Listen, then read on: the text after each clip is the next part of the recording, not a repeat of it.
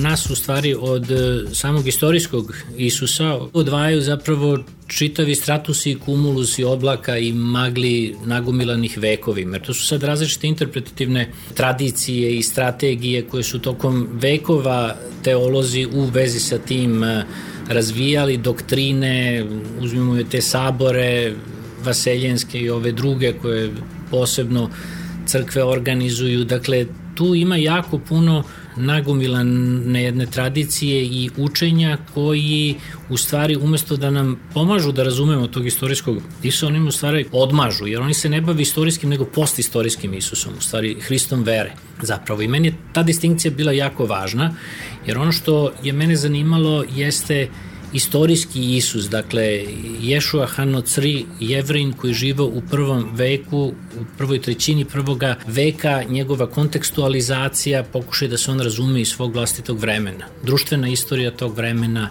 dakle sve ono što je rezultat dostignuća savremene nauke, kako istorijske, tako i drugih disciplina, znači Arheolozi tu imaju jako puno posla sa tim, istoričari umetnosti, sociolozi, zatim književni teoretičari, svako tu može da nekog svog istorijskog Isusa pokuša da rekonstruiše iz ugla svoje discipline. Tu je došlo do velikog, znači, oslobađanja i to oslobađanje od tih teoloških stege počelo još u 18. veku, dakle možemo reći da je epoha prosvećenosti utrla put ka tim e, novim dostignućima. Ali u 20. veku desili su se i neki arheološki nalazi i otkrića koja su onda omogućila da se i neki alternativni putevi širenja ranog hrišćanstva mogu da prepoznaju i da se u tom kontekstu onda i istorijski Isus razmutri na jedan mnogo svežiji način, na jedan mnogo autentičniji način, jer on sam u stvari kao istorijska ličnost je bio izuzetno zanimljiva jedna ličnost. Ono što ljudima često izmiče iz vidokruga kad se bave samo tim Hristom vere, jel? da ta istorijska ličnost je dovoljno zanimljiva, dovoljno upečatljiva, dovoljno originalna da zavređuje našu pažnju. E, s druge strane, teološki gledano, Isus je u punom smislu bio i Bog i čovek. Kao čovek onda, čak iz teološke perspektive, on se može razmatrati i istorijski i ta nekakva, da kažemo, doktrina je u ostalom ušla i u one rasprave oko ikona, u taj ikonoborački spor gde su ikonofili zapravo zastupali tu tezu da Isus u punom smislu bio čovek i kao takav onda se može predstavljati na ikonama. E sad o čemu se radi? Radi se jednostavno o tome da su ikone njegove različite. Ikone koje mi kao naučnici i stručnjaci da kažem uslovno rečeno metaforički, ti naši ikonografski prikazi se takođe razlikuju, ali oni se zasnivaju na nekakvim e, činjenicama na vremenu u kome on živeo, jer se iz tog vremena dosta može saznati, dosta se može rekonstruisati. Ono što je meni bilo zanimljivo dok sam se bavio istraživanjem jeste i to da u Novom Zavetu, hrišćanskoj Bibliji, bez obzira na, na evanđelja koja su tu osnova za razumevanje Isusa kao ličnosti, da mi zapravo mnogo više podataka imamo o nekim drugim ličnostima, recimo kao što je apostol Pavle, nego što imamo o centralnoj ličnosti hrišćanstva kao što je sam Isus. To je sad zanimljivo. Zašto Pavle, kada prebrojimo sva ta njegova pisma, kada uzmemo u obzir dela apostolska kao jedan spis u kome se najviše govori o njegovim aktivnostima, zašto on tu ima primat u odnosu na Isusa? Da li je to sad u skladu sa hrišćanskom teologijom ili se radi tu sad o nečemu što još u ta stara vremena na samom početku kada je pravljen taj kanon i dok se došlo do njega govori o nekim procesima unutar razvoja samog hrišćanstva gde je ta da kažemo Pavlova struja ili Pavlovska struja postala dominantna i onda ona je pisala tu istoriju. Drugim rečima, ono što je paradoksalno jeste da Isusov pokret sam po sebi ostao marginalizovan. A da je Pavlov pokret koji je zaslužan za nastanak hrišćanstva, a Isus nije bio hrišćan niti osnijevao hrišćanstvo, da ona dobija primat. Tako da mi mnogo manje iz Novog Zaveta znamo recimo o Isusovom rođenom bratu Jakovu, koji je njega nasledio kao lider Jerusalimske zajednice, nego recimo o Pavlu. Vidimo čak da tu postoje neka sporenja između Jakova i Pavla. U ovim nekim autentičnim poslanicama se vidi da su to neke dve kompetitivne tradicije, ali Pavle je taj koji pobeđuje. Pavle je taj koji istorijski i teološki on odnosi, odnosu prevagu, a ne Isusov rođeni brat. I to su sad neka pitanja koje mogu da, da nas podstaknu na jedno razmišljanje da vidimo u stvari kakva je bila politika tih ranih hrišćanstava u stvari, koliko su tu različite apostolske tradicije međusobno se takmičila i kolika je uloga politike u tome bila, kakva je na kraju krajeva bila i rimska politika, Rim prihvata od Konstantina, znači od početka četvrtog veka se hrišćanstvo toleriše kao jedna od, od religija rimskog carstva. Koliko su onda ti prvi hrišćani u momentu kada je hrišćanstvo počelo da se toleriše postali konformisti u odnosu na, na zvanični Rim. Koliko su oni onda retuširali tu svoju prošlost i trudili se na neki način da operu i rimskog guvernera Pilata i da mnoge stvari urade koje nam danas deluju kao protivrečne iz duha onoga vremena. Jer ono što je bio duh vremena, što je bio, da kažemo, od sredine prvoga veka, ozbiljni su sukobi između samih jevreja i rimljana, koji krunišu ratom od 66. do 70. godine i uništenjem Jerusalimskog hrama koji je bio centralna institucija jevreja onog vremena, ne samo mesto za žrtvovanje, nego i sudska, izvršna, zakonodavna vlast, sve se oko toga vrtelo i Isus kao jevrin iz prvog veka zapravo u tim turbulentnim vremenima, mi ga možemo sagledati onda iz perspektive tog otpora Rimu. On se pojavljuje kao jedan buntovnik na kraju krajeva iz samih evanđelja. Izviru različiti ti likove. Sad kako tu biti, da li se tu uopšte može biti dovoljno precizan, da li se uopšte može biti dovoljno u naučnom smislu utemeljen, mora se poći od nekih e, naznaka, od nekih kodova koje možemo prepoznati u samim evanđeljima. Da se odmah razumemo, evanđelja niti su biografije o istorijskom Isusu, niti su ona pisana od strane savremenika, niti su pisana u vreme kada je Isus živeo. To pišu ljudi iz druge generacije, ljudi koji su živeli 30 godina nakon Isusovog raspeća. Ono što tu je frapantno za nekoga ko nepristrasno čita te dokumente iz ove više naučne, znači perspektive ne, ne iz teološke, jeste da trojica evanđelista u koje se najviše pouzdamo kao istorijski izvore o, o Isusu, Marko, Matej i Luka, zapravo uopšte dobro ne poznaju samu jevrijsku tradiciju u kojoj je Isus živeo. To je meni bilo interesantno da oni recimo u opisima njihovim stradanja Isusovog i njegove smrti i sahrane njegove, vidi se da oni uopšte ne poznaju. Žive, žive dakle u prvom veku, žive u vreme kada je judaizam još vrlo aktivan i vibrantan i oni uopšte ne razumeju da svi ti događaji koji se tiču recimo suđenja Isusu, razapinjanje na krst, sahrane, ne mogu da se obave na jevresku pashu Oni kažu da se to desilo na Pashu, a to nije moglo da se desi na Pashu ili jevreji te stvari ne bi na Pashu na svoj veliki praznik, oni to jednostavno ne bi radili. I tu je Jovan koji je mnogo više teološki onako, da kažemo, pristrasan kao evanđelista, autor Jovana, dakle to nije apostol, da se odmah razumemo, ovaj apostol u to vreme ne bi bio više ni živ, jel, ovaj koji pratio Isusa u tim ranim godinama, da on mnogo bolje poznaje tu jevresku tradiciju nego ovi sinoptičari, koji su inače istorijski gledano pouzdaniji nego, nego Jovan i Jovana i ne zanima toliko istorijski Isus, ali on je vrlo korektan kad objašnjava da su ti događaji desili u oči same Pashe, bar dan u oči Pashe. I onda iz tog konteksta možete mnogo lakše razumeti i zašto su se toliko e, žurili Josif iz Arimateje i neki Nikodim tamo, neki likovi koji nemaju veze sa apostolima, da što brže skinu Isusa sa hrsta, da ga pokopa kopaju, da to bude pre sutona, da ne bi otpočela pasha, da je možda to bio neki privremeni grob, da onda mora da se sačeka da, da pasha prođe, da bi onda došlo opet do zvanične neke sahrane koja bi bila dozvoljena jedan dan kasnije, znači, ili dva dana kasnije i onda ceo taj period između to petka i nedelje dobija potpuno novu perspektivu. Mi možemo sad zamisliti zašto se Marija Magdalena, koja zatiče prazan grob, pita, tri puta se ona pita gde ga staviše, gde ga položiše zašto bi ona tri puta pitala gde ga položiše? Ona ne kaže gde je on vaskasao, nego kaže gde ga položiše.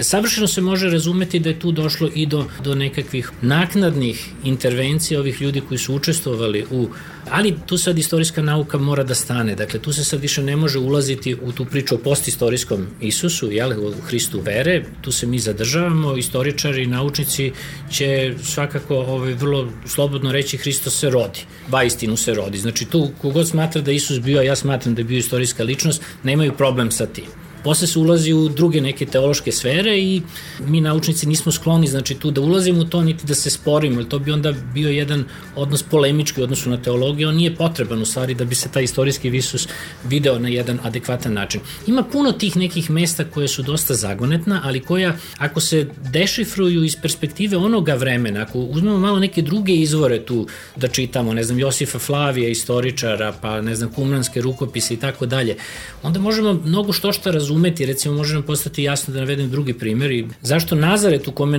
navodno iz koga potiče Isus zapravo niko ne prepoznaje kao uopšte mesto jole značajno ili poznato u Galileji onoga vremena. Josif Flavije se bavi na daleko i na široko različitim mestima u Galileji, uopšte ne spominje Nazaret, uopšte se u Mišnju ne spominje Nazaret. O čemu se radi? Da li, da li je uopšte Nazaret tada bio neko neko mesto po kome bi Isus Nazarećanin jel, dobio taj svoj epitet ili se možda radi o nekom drugom epitetu. Onda ja prispitujem tu dve alternativne mogućnosti, da je on možda bio Nazorej, Imamo takođe, samo je razlika mala između ovog NCR i NZR kao nekog korena u hebrejskom jeziku, e, Nazorej ili čak Nazirit. Da li se on kao Nazorej pridržavao zakona Tore u stvari? Pa su po tome oni nazvani kasnije Nazorejska jeres. Imamo neko Nazorejsko evanđelje ili Nazirit, neko kog se pridržava određenog zaveta da neće piti od vina, da neće jesti grožđe, da neće koristiti proizvode od vinove loze, da će puštati bradu, kosu dok traje taj zavet. Pa sam Isus kaže, ja uzeo jednu zakletu, kaže ja neću piti od vina i roda vinogradarska dok se ne desi to i to i tako dalje. Znači, mala je razlika između Nazir, jel, kao e, Nazirita i Nocri, Hanocri iz Nazareta, Nazarećanina, ali ono što sam ja u samoj knjizi koja zaista nije previše pretenciozna, nije ni velika, velika knjiga pokušao da otvorim jedan prostor gde se te alternativne mogućnosti čitanja i te neke alternativne tradicije mogu uzeti u obzir. Umranski rukopisi od 47. pa sve skoro do 960. su otkrivani različiti tu dokumenti, oko 800 dokumenta. To je jedno veliko otkriće. Ono se ne bavi ranim hrišćanim. Hoću reći, ljudi koji su to pisali, a sačuvani su njihovi autografi, ono što je pisano njihovom rukom, oni su bili jedna od judejskih frakcija iz vremena koje je savremeno i istorijskom Isusu tu još nema hrišćanstva, znači nema ništa spektakularno i, i ne može se razaznati nešto što bi nam možda pomoglo da razumemo sad Isusa i njegove apostola, ali ono što je tu ključno jeste da mi imamo prvorazredne dokumente koje dolaze približno iz tog vremena i imamo jedan što bi Nemci rekli Zitz im Leben, u stvari kontekstualizaciju za istorijskog Isusa. Još značajniji za hrišćanstvo su otkriće iz biblioteke na Hamadi, takođe 45. 46. Ovaj, malo ranije su pronađene u egipatskoj pustinji. Dugo je trebalo da to dođe u prave ruke, da bude prevedeno. Tek 70. godina kreće nekakva naučna, podrobnija analiza tih dokumenta i do dana današnjeg se tu i tamo nađu neki novi dokumenti tog tipa kao Judino evanđelje ili ono evanđelje po ženi Isusovoj, skoro koje je bilo e, pronađeno. Nešto se nalazi u privatnim kolekcijama, znači imate građe koja je kasnija. Ne pomaže nam mnogo da da razumemo istorijskog Isusa, ali nam pomaže upravo da razumemo te različite kompetitivne apostolske tradicije, da mi vidimo tu izvornu pluralnost i taj pluralizam u stvari i da vidimo kako je sve to zatvoreno negde u četvrtom veku kada je car Konstantin odlučio zapravo da hrišćanstvo uzme kao religiju svoje preferencije, što je bio veliki događaj za samo hrišćanstvo, ne toliko za njega samoga, i kada je došlo do kanalizacije hrišćanske Biblije sredinom četvrtog veka. Odjednom sad tu sve što je bilo alternativno, to se negde uništava, sklanja, zakopava, krije i sad neke monastičke zajednice u Egiptu koje su bile iz današnje perspektive gledano pravoverne, odjednom vidimo da u njihovim bibliotekama su se nalazili vrlo zanimljivi neki mistički rukopisi, dokumenti, hermetički, čitali su Platona, Platonovu državu i tako dalje. Znači vidimo da su to neke biblioteke bile koje su vrlo heterogene bile. Sad jednom ti ljudi moraju to da sakriju. Jer je ovaj Atanasij Aleksandrijski tamo svojim pismom iz 367. godine rekao ima 27 dokumenta Novi Zavet, Novozavetni kanon, nema ni više ni manje, sve ovo drugo više nije. I ja lično mislim da u tim procesima se u stvari izgubilo i jezgro te izvorne tradicije Isusovog pokreta. Ta neka dokumenta koje se spominju kao što je hebrejsko evanđelje, nazorejsko evanđelje, evanđelje po egipćanima, Tomino evanđelje takođe, oni gube taj primat. Oni jednostavno bivaju, ne ulaze u taj prelom, da kažemo, Novog Zaveta, taj zvanični Konstantinov prelom. I kao takvi oni bivaju potisnuti kao tradici. Sad, da se vratimo na ono, meni sad paradoksalno to da Isusov pokret, u stvari Isus, njegovi apostoli, njegov rođeni brat, Marija iz Magdale, verna učenica, znači koja je imala tu primat među ženama i tako dalje, da oni su u stvari skrajnuti u, u tom celom spinovanju, da kažemo, modernim jezikom, u stvari jednoj vrsti retuširanja te istorije, a da iskasavaju likovi koji uopšte tad nisu ni upoznali Isusa, niti, niti znaju nešto o tome, kao recimo apostol Pavle, i koji obavljaju tu ključnu transformaciju tog nekog eskatološkog judaizma ili kako god da nazovemo religiju tog Isusovog pokreta, to svakako jeste bio judaizam, od njega prave zapravo hrišćanstvo. E sad, taj put sam ja pokušao da ocrtam u knjizi i e, video sam Pavla i njegovog saradnika Luku koji piše i evanđelje i dela apostolska kao ključne za, e, za nastanak hrišćanstva. Drugim rečima, Ješua Hanocri nije osnovao hrišćanstvo. On sam paradoksalno nije bio snivač hrišćanstva, nego su to bili ljudi iz neke kasnije generacije ili neki savremenici koji njega lično nisu ni upoznali. E sad, ono što je danas još uvek politički naravno aktuelno u tom takmičenju ko ima pravo da uopšte govori o ovim stvarima, ko ima pravo da govori o istorijskom Isusu, jeste pitanje koje dolazi više iz ovih teoloških krugova, konzervativnih teoloških krugova i uopšte konzervativnih e, političkih krugova, recimo i u Americi, a i ovde kod nas kada je reč o nekim ljudima iz crkve. Da li ima pravo da se istorijskim Isusom bavi neko ko to radi iz necrkvene perspektive ili da li ima pravo da se time bavi neko ko nije hrišćanin. Veliki skandal je izbio krajem uh, ovoga leta oko jedne knjige koja je objavljena u Americi, takođe se bavi istorijskim Isusom. Ovaj naslov je Zilot, uh, život i učenje Isusa iz Nazareta.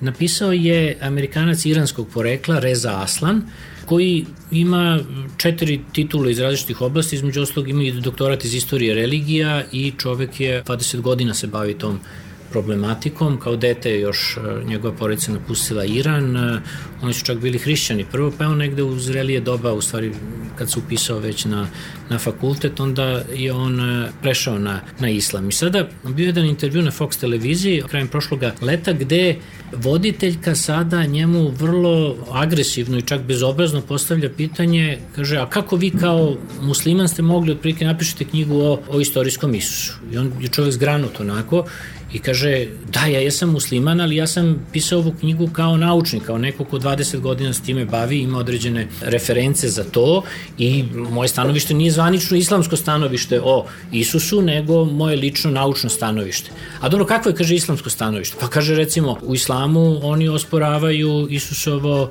raspeće. Ja, međutim, smatram da on jeste istorijski da je bio raspet. S druge strane, oni podržavaju bezgrešno začeće, a ja ne u mojoj knjizi i tako dalje i tako dalje. Ali kaže, to je uopšte nebitno za ovaj razgovor, ajde da razgovaramo o knjizi. E sad, ko ima pravo znači, o tim stvarima da govori? Ovde se jasno vidi da neko ko je konzervativni hrišćan ili neko ko dolazi iz konzervativnih političkih krugova u Americi smatra da to ne može da radi, da čini jedan musliman. Ona čak njega u jednom trenutku pita, kaže, a zamislite sad neki demokrata da napiše knjigu o Reganu. On kaže, pa što da ne? Kaže, samo da taj demokrata se 10 godina bar bavio Reganom, da išao po arhivama, da je koristio izvore, zašto ne može demokrata o tome napiše knjigu? I sad ona stane, nije jasno. To otprilike se svodi na ono, kako može muškarac da porodi jednu ženu, kad muškarci ne rađaju. Odgovor je zato što je on stručan i kompetentan jer je lekar, inače bavi se tom strukom pa zna kako to da uradi. Mislim, potpuno jedna nebuloza. E sad, ja sam svoje vremeno s onom knjigom koja izašla još 96. godine, rano hrišćanstvo od Isusa do Hrista, ali nekih 8 godina kasnije došao na udar upravo naših nekih vajnih teologa, episkopa, čak SPC dosta visoko pozicionirani koji su smatrali da se Ne može o tome pisati iz neke necrkvene perspektive, oni to čak nazivaju anticrkvenom perspektivom. To je taj metodološki agnosticizam koga se mi u sociologiji pridržavamo, sociologiji religije i to je već definisano kao jedan stav gde vi izbegavate vrednostni neki uplik koliko god možete, jel? Evo kažem, priča o Isusu je najznačajnija i najpopularnija priča koja je ikada ispričana. Danas u svetu živi više od 2 milijarde hrišćana. To je najbrojnija religijska zajednica u svetu. Sama priča je na nekoliko nivoa izuzetno interesantna i da kažem epohalna. Prvo zbog toga što iz nje nastaje jedna, jedna nova religija i danas najbrojnija što se tiče pripadnika svetska religija. S druge strane, ona sama u nekakvom dramskom smislu je izuzetno atraktivna, izuzetno je autentična. Pazi, zašto bi sad ti rani hrišćani želeli da prikažu svog lidera kao čoveka koji biva raspet na krst i strada na jedan sramotan način. Tako su se banditi, razbojnici kažnjavali u rimska vremena. Čak se kaže da je on između dva bandita bio razapet. Zašto bi neko čak želao tako nešto da izmisli kad je to samo po sebi vrlo skandalosno? Drugo, ta patnja na krstu, to mučenje, to stradanje, to je nešto sa kim ne može čovek na jednom univerzalnom nivou da, da ne se osjeća u stvari u, u toj patnji, čak i da nije hrišćanin. To samo po sebi jeste jedno stradanje koje se pretvara naravno u triumf posle, to je toliko samo po sebi znači zanimljivo, atraktivno, originalno da ne možemo verovati da neka istorijska ličnost nije iza toga stajala. Ali mi moramo razumeti stvarne razloge zbog čega je Isus raspet. Zašto bi Rimljani želeli da tako surovo kazne čoveka koji inače propovedao nekakve stvari koje bismo mogli i dan danas potpisati u etičkom nekom smislu, znači kao neka uputstva za život i recimo njegova beseda na gori, takvi delovi su nešto što zaista na nekom univerzalnom planu opet čovjek ne može da ne, ne prihvati i da ne vidi kao neki vrhovni kategorički imperativ u stvari.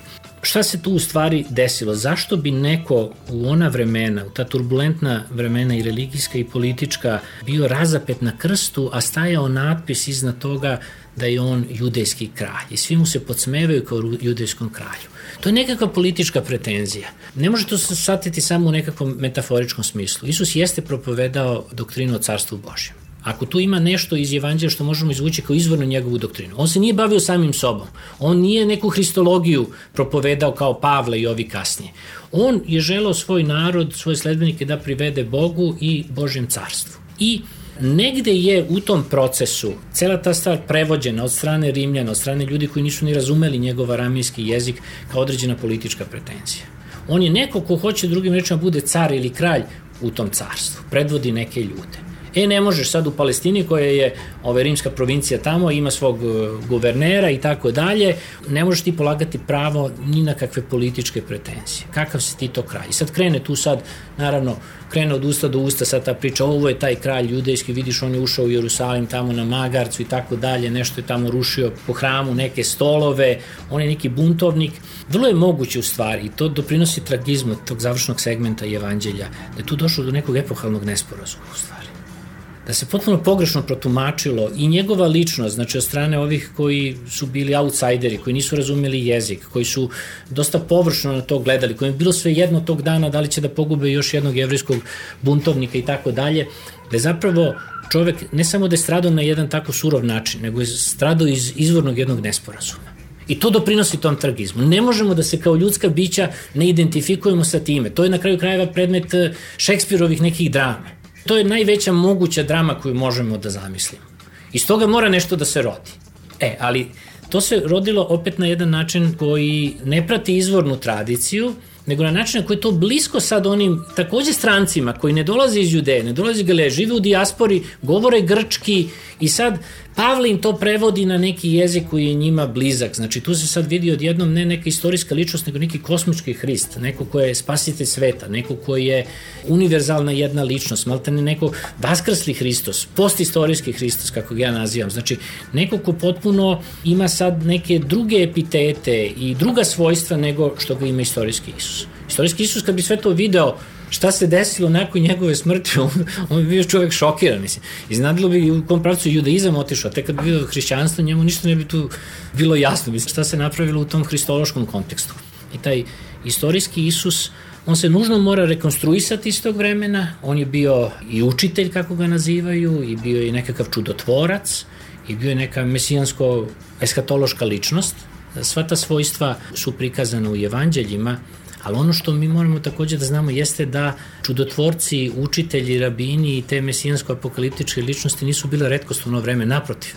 Da smo imali ljudi iz onoga vremena koji su takođe posjedovali ta svojstva. I dolazili su iz jevrejstva, dolazili su iz judaizma. Kada Isusa stavimo u takav jedan kontekst, onda nam sve to postaje e, sasvim razumljivo i meni se čini zapravo da je mnogo bitnije kako su ljudi iz onog vremena njega razumeli, a o tome imamo naznake u evanđeljima, nego kako ga mi danas razumemo, mi koji smo, dakle, prošli sve te putanje kroz guste magle i oblake koje nas odvajaju od ne mogu ga nazvati istorijskim osnivačem hrišćanstva, ne možemo ga zadužiti za osnivanje te religije. On je bio izuzetno jedna zanimljiva i originalna i autentična ličnost i mislim da kogod pokušava da ga razume iz te perspektive, bit će nagrađen u stvari. Taj istorijski Isus mene bar lično zanimljiviji od postistorijskog Hrista.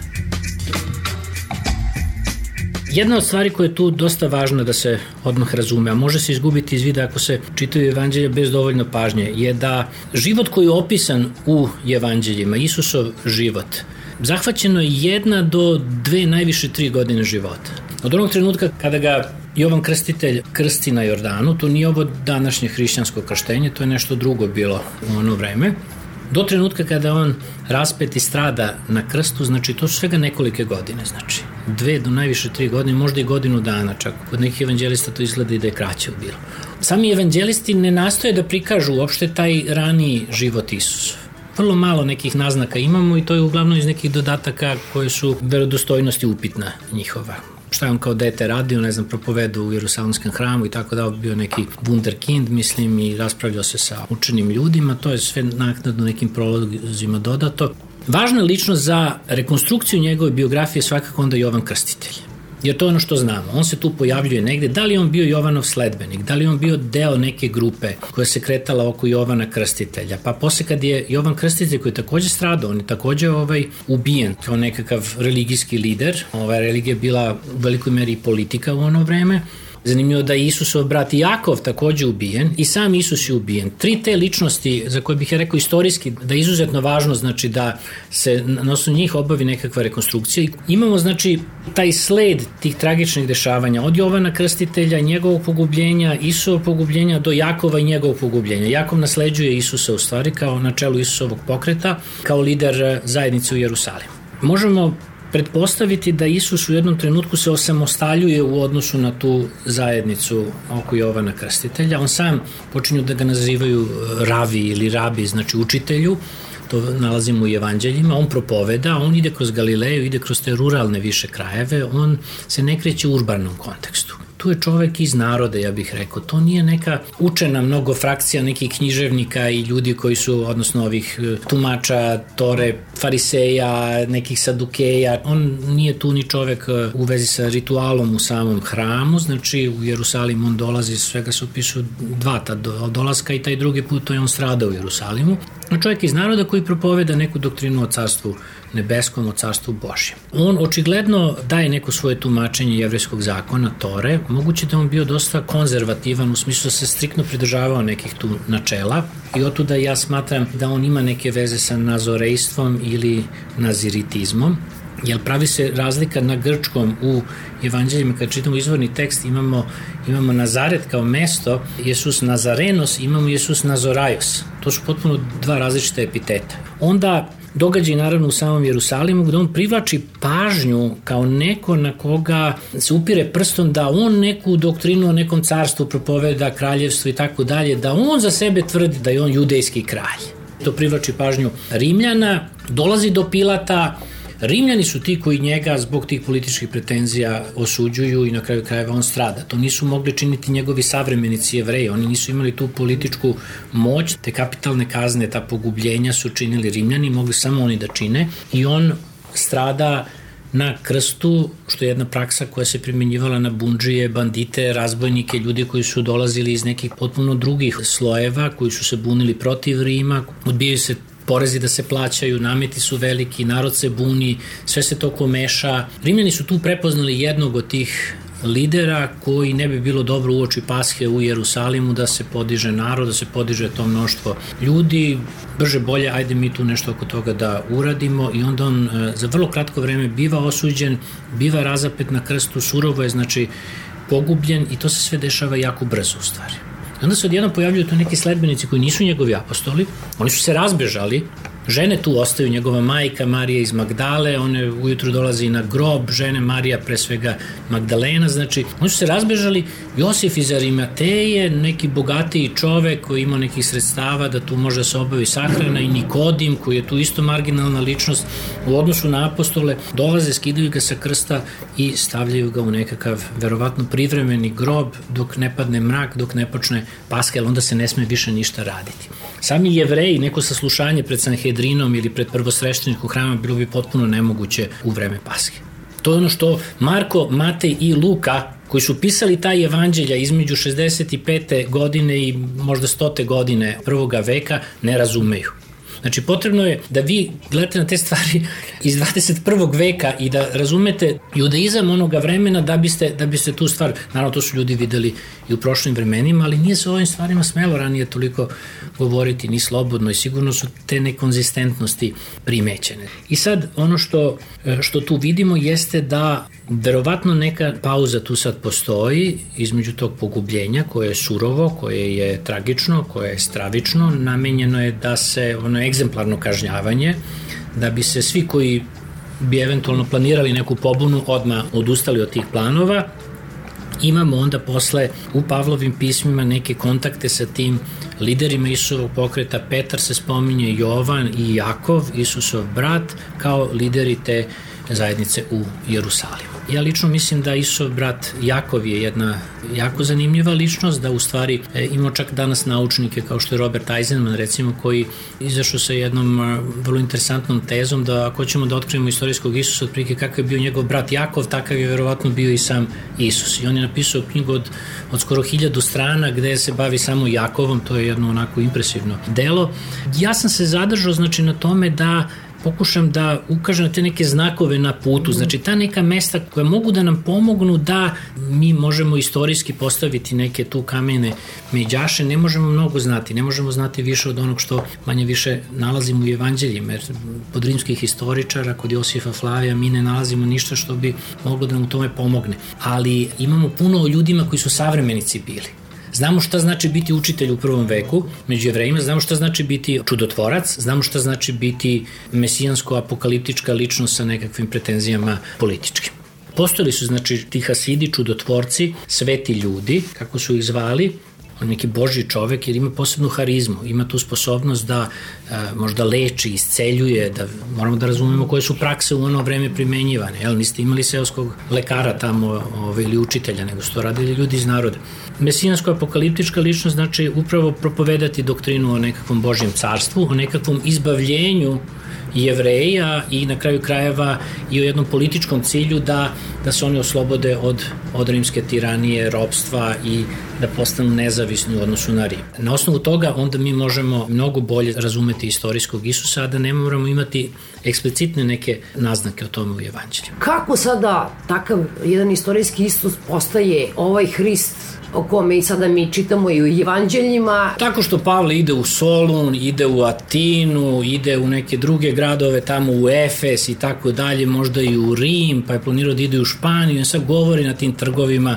Dođite ovamo da počujte ovu priču o, o Isusu Hristu koji je vaskrsao, ja sam ga video na putu za Damask, obasjalo me nekakvo svetlo, govori o tom svom mističkom preobraćenju, ja sam proganjao prvo Isusove sledbenike, na kraju sam sam on je shvatio ovaj, celu poentu toga i on daje jednu vrstu teološke interpretacije tih događaja. Ali daje ljudima koji dolaze sasvim drugog jednog kulturnog miljeja, ljudima koji govore druge jezike i ljudima koji nemaju pojma ko je bio taj Isus iz Nazareta koji je stradao u Jerusalimu negde oko 30. godina ovaj prvog veka.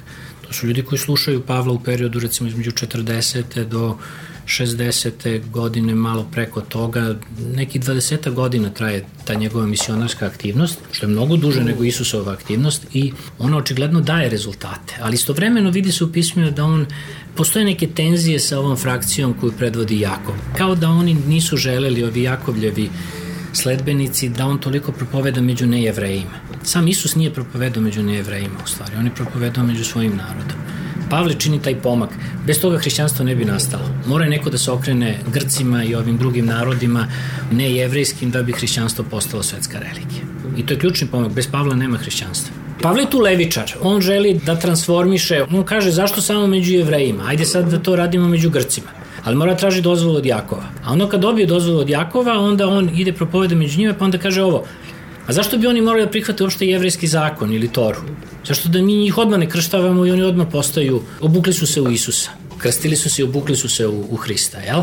I onda sad on traži dozvolu i za to. E sad tu ima neki koji kažu ne mogu oni sad, kako da sad prekrše te, obaveze jevreskog zakona, hranu koju koriste, pravila čistote i tako dalje. I sad Pavle je taj koji zapravo gotovo anarhistički pravi jednu izmenu u, u tom konceptu i dok je Jakov tu konzervativni, on je na toj desnoj strani, on je tvrd, on je ono hardliner što bismo rekli i pokušava se drži izvorne tradicije. I on ne uspeva, uspeva Pavle, zato što Pavla razumeju. Jakova ne bi razumeli u Atini i u Solunu i u Efesu. O tome se radi.